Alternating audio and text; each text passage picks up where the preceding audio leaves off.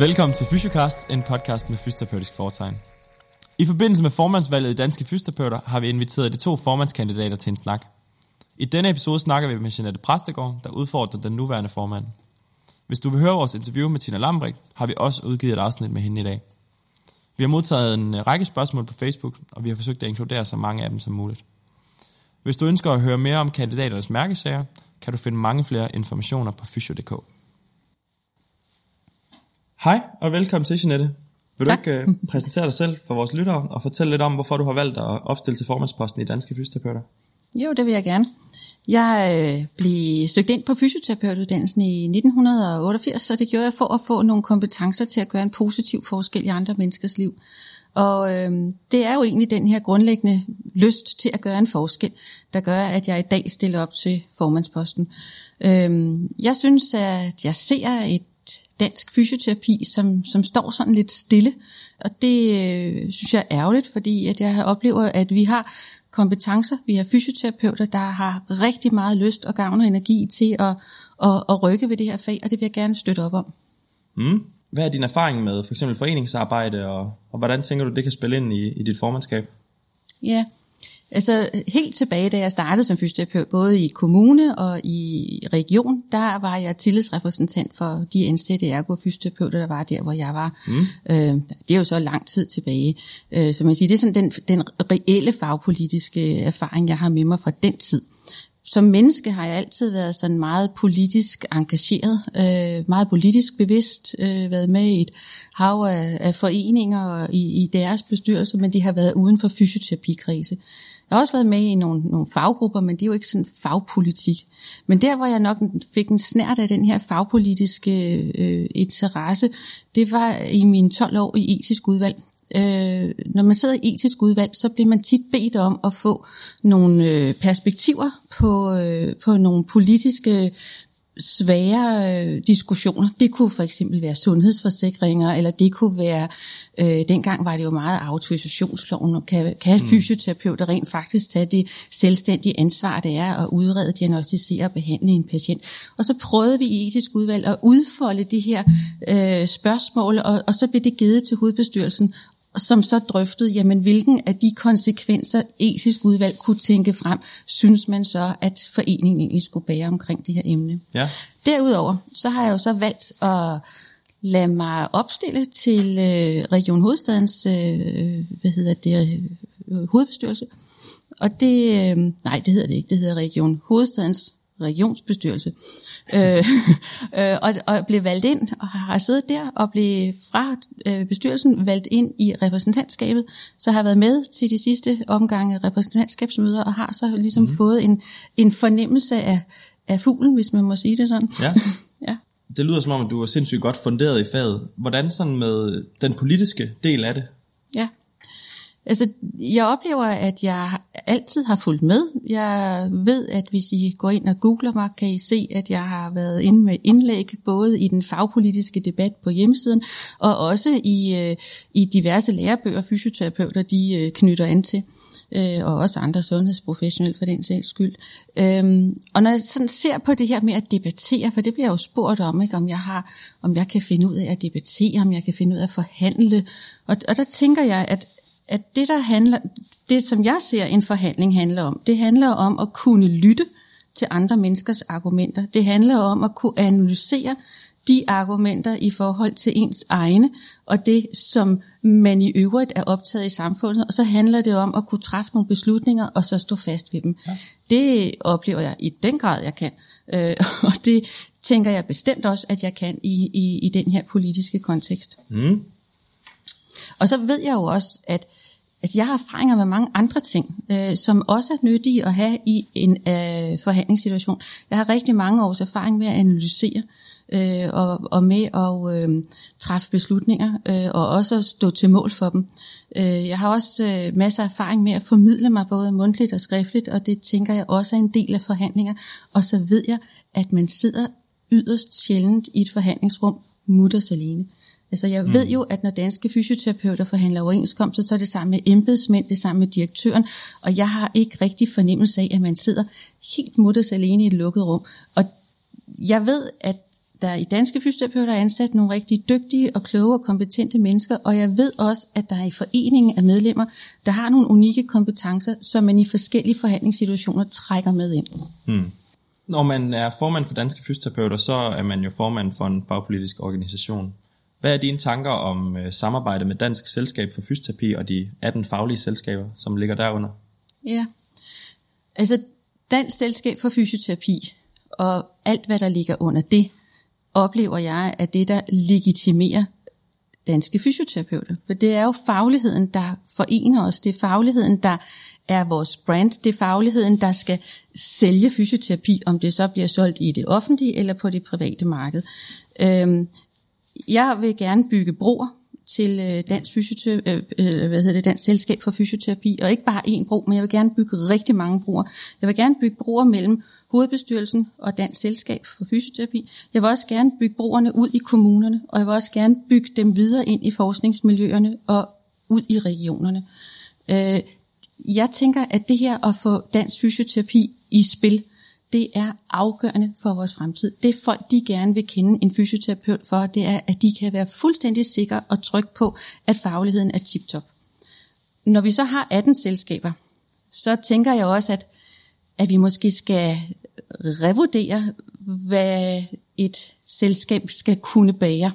Lige nu ser jeg, at vi har nogle selskaber, som relaterer sig til nogle målgrupper, børn eksempelvis, idræt, ældre. Jeg ser også nogle selskaber, der relaterer sig til nogle redskaber, bassin, ultralyd, øh, diagnostik. Og jeg ser også selskaber res, øh, til nogle begreber, sundhedsfremme, forebyggelse. Og det tænker jeg skal være en diskussion værd. Øh, hvordan skal vi gribe det her i fremtiden? Fordi når vi har selskaber i dansk fysioterapi, så skal det jo give logik, at vi kan gøre noget fuldstændig særligt i forhold til, hvad andre kan, omkring den indsats, selskabet skal have som sit genstandsfelt. Mm. Når jeg siger broer imellem selskaberne og regionerne og, og kommunerne og foreningen, så siger jeg det fordi, at jeg synes, at jeg savner, at vi har nogle klare, eller vi har udviklet nogle strategier for, hvordan får vi alle vores fantastiske forskningsresultater ud og gå i praksis. Ja. Der er rigtig dygtige fysioterapeuter, der forsker, og der kommer nogle fantastisk spændende resultater ud af det. Jeg synes bare ikke, jeg ser dem forandre praksis markant, og det kunne jeg godt tænke mig, fordi det er jo det, vi skal leve af. Vi skal jo ikke levere gårdsdagens forventning om, hvad fysioterapi var. Vi skal jo levere morgendagens forskningsbaseret fysioterapi. Det er det, der er kvalitet. Ja. I forbindelse med, øh, med kvalitet, Jeanette, så har du foreslået et, øh, et obligatorisk turnusforløb, som øh, nogen måske kender det fra Norge, og øh, nogle professionsmasteruddannelser inden for de faglige specialer. Vil du ikke prøve at uddybe dine tanker om det? Jo. Øh, som jeg ser det lige nu, så øh, har fysioterapeutuddannelsen, den har jo forandret sig gevaldigt i, i de der 21 år, jeg har været underviser. Øh, da jeg startede som underviser, der havde man 34 lektioner om ugen. Øh, og det har man jo på ingen måde længere. Øh, der ligger man oftest mellem 12 og 15 lektioner i gennemsnit. Mm. Øh, det betyder, at studerende i dag bliver dygtige på nogle akademiske kompetencer, bliver dygtige på nogle oversigtsforståelser, men savner deres øh, manuelle, praktiske øvninger og øvninger i at møde mennesker. Og så kan man så sige, jamen, at det ikke bare noget, jeg mener, og det er jo i den grad noget, jeg mener, men det er faktisk også noget, jeg kan underbygge med dimensionsundersøgelser. Og det er det, som rigtig mange af mine tidligere studerende, de kommer og fortæller mig, huha, det der med at stå helt alene ude på en klinik dag 3, med en patient, der har ondt i ryggen, og som er bange for at skal miste sit arbejde, og hvad er det så lige, man gør? Der står du mutters alene med ansvaret. Eller når du sidder på en, en øh, hospitalsafdeling, og der er en handicap, eller et, med et handicappet barn, og en, en mor, der er i sorg og i krise over, at der endnu engang er barnet blevet indlagt på grund af en eller anden sygdom. Det skal du også kunne håndtere. Du skal også kunne håndtere den, den ældre dame, der lige har mistet sin mand, og som nu bor i en lejlighed og har ondt i knæene og har svært ved at komme op ad trapperne op til den her lejlighed. Hendes sorg over at miste sin mand og over at have de her smerter, det skal man også kunne rumme. Og jeg, jeg tror på, at fysioterapeuter vil have rigtig, rigtig godt af at øve de her ting, fordi så vil vi stå langt stærkere, når man kommer ud og er, øhm, og er øh, hvad kan man sige, erfaren også i mødet med mennesker efter sådan et lille årstid. Mm. Jeg ved, man gør det jo i Norge, øh, og da det startede i Norge, der var der faktisk også en del modstand mod det, man synes, det var lidt anstrengende. I dag, der mener man, det er et hit, at man har lavet det her. Og jeg ser jo også, at der er sygeplejersker, øh, eller inden for sygepleje, der laver man introduktionsstillinger til nogle specialer, fordi de er så specielle, eller er fyldt med så meget sov, eller så meget teknologi, eller så meget et eller andet andet, som gør, at man skal virkelig have øvet sig for at, at kunne være der og tage det fulde ansvar. Hvor lang tid tænker du et uh, turnusforløb burde være? Jeg tænker et år. Et års tid? Ja. ja. Og, og, jeg tænker, at, øh, at det er noget, vi er nødt til at gribe og solidt fat om, så vi kan, så vi kan få øh, nyuddannede til at føle sig fuldstændig grounded i deres fysioterapi, indtil de står endeligt med, det, med og alene med ansvaret. Og når jeg nævner professionsmasteruddannelse, så er det jo fordi, at, at det jo også er en vej øh, og på at erhverve sig kompetencer. Øhm, lige nu kører vi jo et system, hvor vi er professionsbachelor, og derefter så ligger der jo så i den tanketråd, at man skal være professionsmaster. Øh, hvis det skulle være helt optimalt, så vil jeg meget gerne have flyttet fysioterapeutuddannelsen over på universitetet, og så mm. tænke den universitære logik, fordi jeg tror på, at akademiske, manuelle, praktiske og relationelle færdigheder, de skal følges ad fra dag et. Det gør de i andre lande, i Norden, i andre europæiske og i andre vestlige lande, som vi sammenligner os med. Og al den udvikling, der sker i fysioterapi, de trækker fra de lande, hvor fysioterapeuter er på universitetet, og det skal vi også være. Er det realistisk, at vi får fysioterapeuterne ind på universiteterne i nær fremtid? Ja. Fedt. Øhm. Og det er det, fordi at vi har en undervisergruppe, som har kompetencerne, og fordi at vi i dag kan prale af, at vi har 104 Ph.D.'er. Så vi har faktisk folk, der kan gå ind og trække det her læs i gang. Og vi har en kandidatuddannelse på øh, hvad hedder det, SDU, som også gerne vil trække mere i gang. Og det er ikke nogen nem kamp, og, og det er heller ikke sikkert, det sker i morgen. Jeg havde bare håbet, det var skidt i går. Øhm, og, og jeg tænker, at det her det er noget, jeg vil kæmpe for med næb og klør, fordi det, er vejen, det er det fysioterapeuter skal. Nu nævnte du øh, hospitalerne før. Hvordan ser du øh, situationen for fysioterapeuter, der er ansat på hospitaler i dag? Uha, jeg tror, at, øh, at, at det er en svær situation. Jeg hører det som en svær situation. Altså i, i 2007 besluttede man, at der øh, den nye strukturreform, eller den blev ikke besluttet i 2007, men besluttet før, men den blev indført i 2007. Mm. Øhm, og i den stod der, at man skulle øh, omorganisere sygehuse, så vi skulle ikke gå fra de her lokale sygehuse, men til nogle regionale supersygehuse. Supersygehusene skulle have en fælles akutmodtagelse, hvor man havde, har og havde en politisk ambition om, at patienten skal komme ind og svinge i døren inden for 24 timer. Og det er ikke var en patient. Man, havde en, eller man har en ambition om, at det er 70 procent øh, af patienterne, der skal det så tænker jeg bare, at hvis vi så som fysioterapeuter bliver ved med at stå op på afdelingerne, som man jo lidt har gjort, fordi jeg oplever, at man har lavet stå lidt til her, så mangler vi jo nogle fysioterapeutiske kompetencer nede i den fælles akutmodtagelse, og det er vi jo fuld gang med at sætte ned.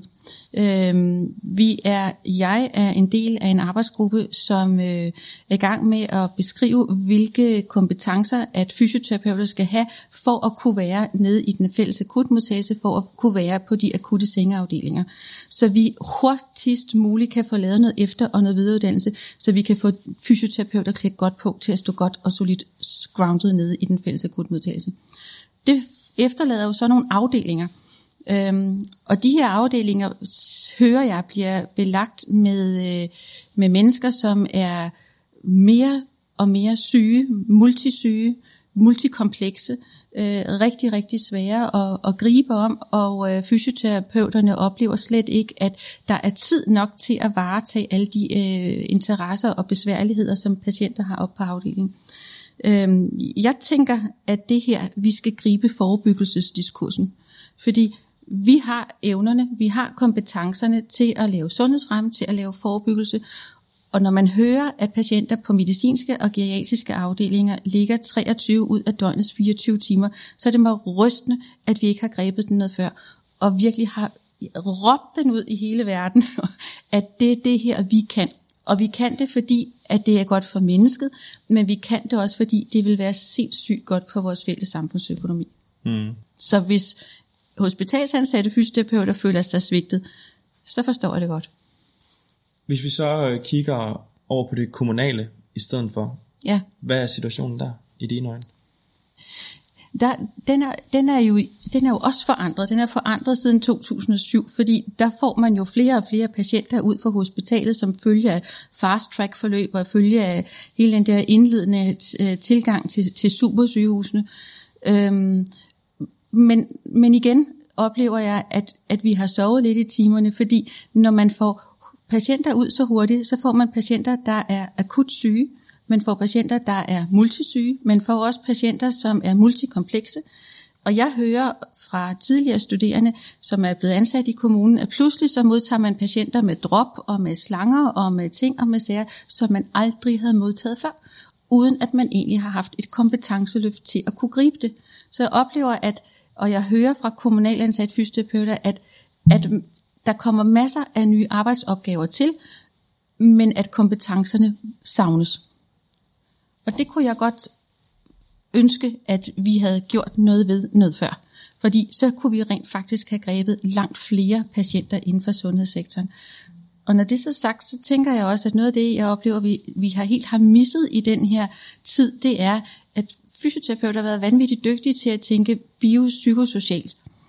Men tænk nu, hvis vi tænkte social, psyko, så vil vi jo have mulighed for at banke på hele socialsektorens kæmpe store dør.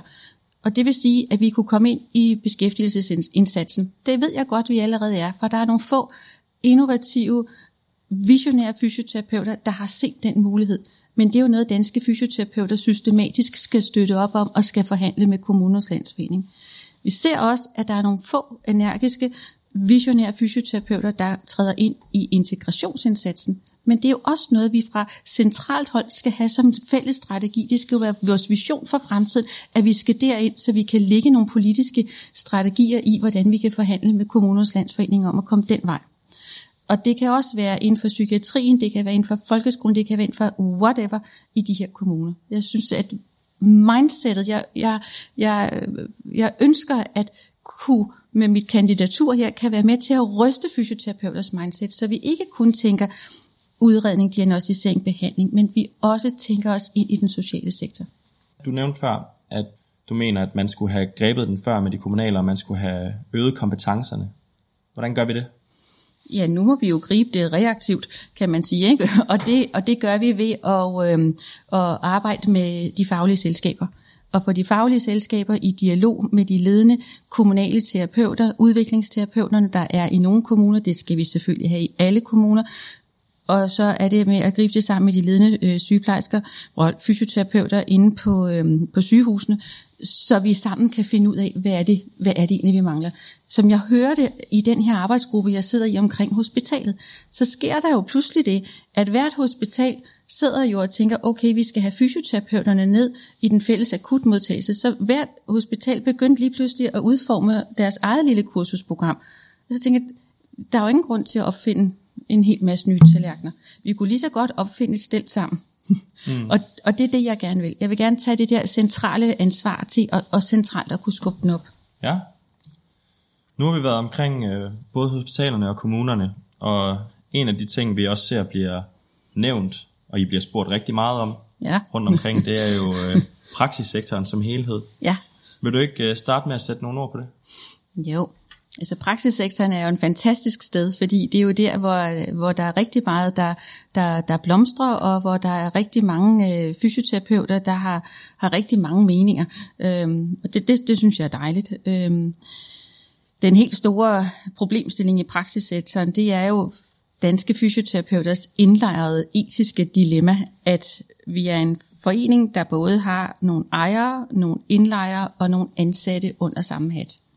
Når man har det, så har man forskellige hensyn i spil. Fordi så er der både hensyn til, til selvfølgelig de tre mennesker, men der er også hensyn til patienten, og så er der i den grad hensynet til indtjeningen. Og når man sidder i sådan en, en kerne af et dilemma, så, så handler det jo selvfølgelig om at udfolde, hvad er det her dilemma for noget.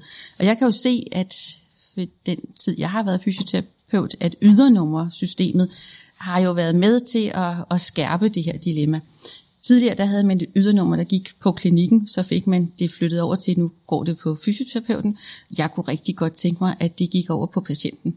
Jeg forstår ikke en bjælle af, at, at man ikke som patient selv skal bestemme, hvem og hvornår og hvordan, at man skal øh, behandles. Jeg er inspireret af det, tandlægerne gør.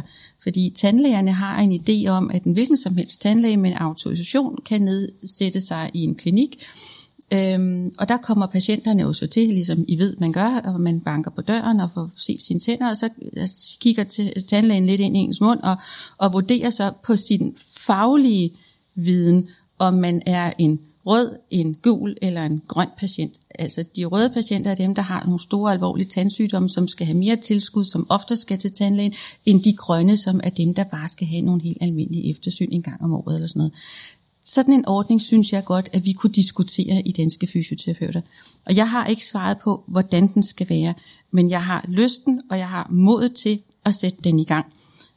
Og sætte den i gang med de fysioterapeuter, der nu både er inden for ydernummer, som er ude for ydernummer, men også i gang med de fysioterapeuter, der er ude i kommunerne og ude i regionerne, som også er med til at henvise patienter direkte ud i praksis. Så ja, det er en, en diskussion, jeg hører, og det er også en diskussion, jeg øh, rigtig, rigtig gerne vil, vil sætte i gang. Man skal så også lige huske at nævne her, fordi man kan jo godt sige, jamen sæt ydernummerne fri. Ja, men jeg er jo også borger i det her land, og jeg er i den grad skatteborger i det her land.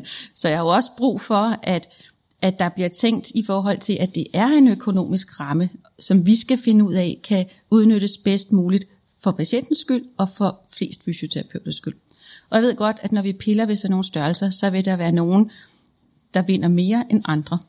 Og vi skal sammen i danske fysioterapeuter være enige om, hvilke løsningsmodeller vi skal gribe. Det er ikke noget, at en formand skal bestemme enevældigt. Og i øvrigt kan man som formand jo slet ikke bestemme noget som helst omkring ydernummersystemet. Det er jo en lang drøftelse med, hvad hedder det, ministerier og med regioner og styrelser, og så er det også en drøftelse, tænker jeg, med nogle af de andre professioner, som er underlagt det her ydernummersystem. Af til kan det være en lille smule trættende at høre, at, øh, at fysioterapeuter ikke gør, gør det godt nok, og fadet står stille, og nu er der et, øh, et, øh, en dag med David Nichols, tror jeg han hedder, ja. som har skrevet en bog, der hedder The End of Physiotherapy. Ja her på falderæbet kunne jeg godt tænke mig, at øh, vi hører tre ting fra dig, hvor, om hvad øh, du synes fysioterapeuter gør det, hvor de gør det godt. Ja.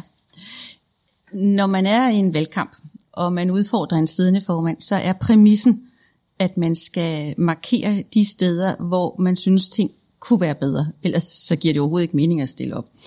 Punkt et. så, så, så derfor. Men, men, men men når det er sagt, så vil jeg jo også godt sige, at jeg ser jo, hvilket monsterarbejde, der sker hver eneste dag. Jeg ser det på skolerne, hvor jeg ved, hvilken aktivitet underviserne har i at forberede og planlægge og arbejde sammen for at give den absolut bedst mulige uddannelse inden for de vilkår, der er. Jeg ved, at den måde, at man organiserer sig på i kommunerne og på hospitalerne, på trods af de her vilkår, der er, og det samme selvfølgelig ude i privat praksis, at, altså, at fysioterapeuter dagligt stræber efter at give patienten den bedst mulige oplevelse.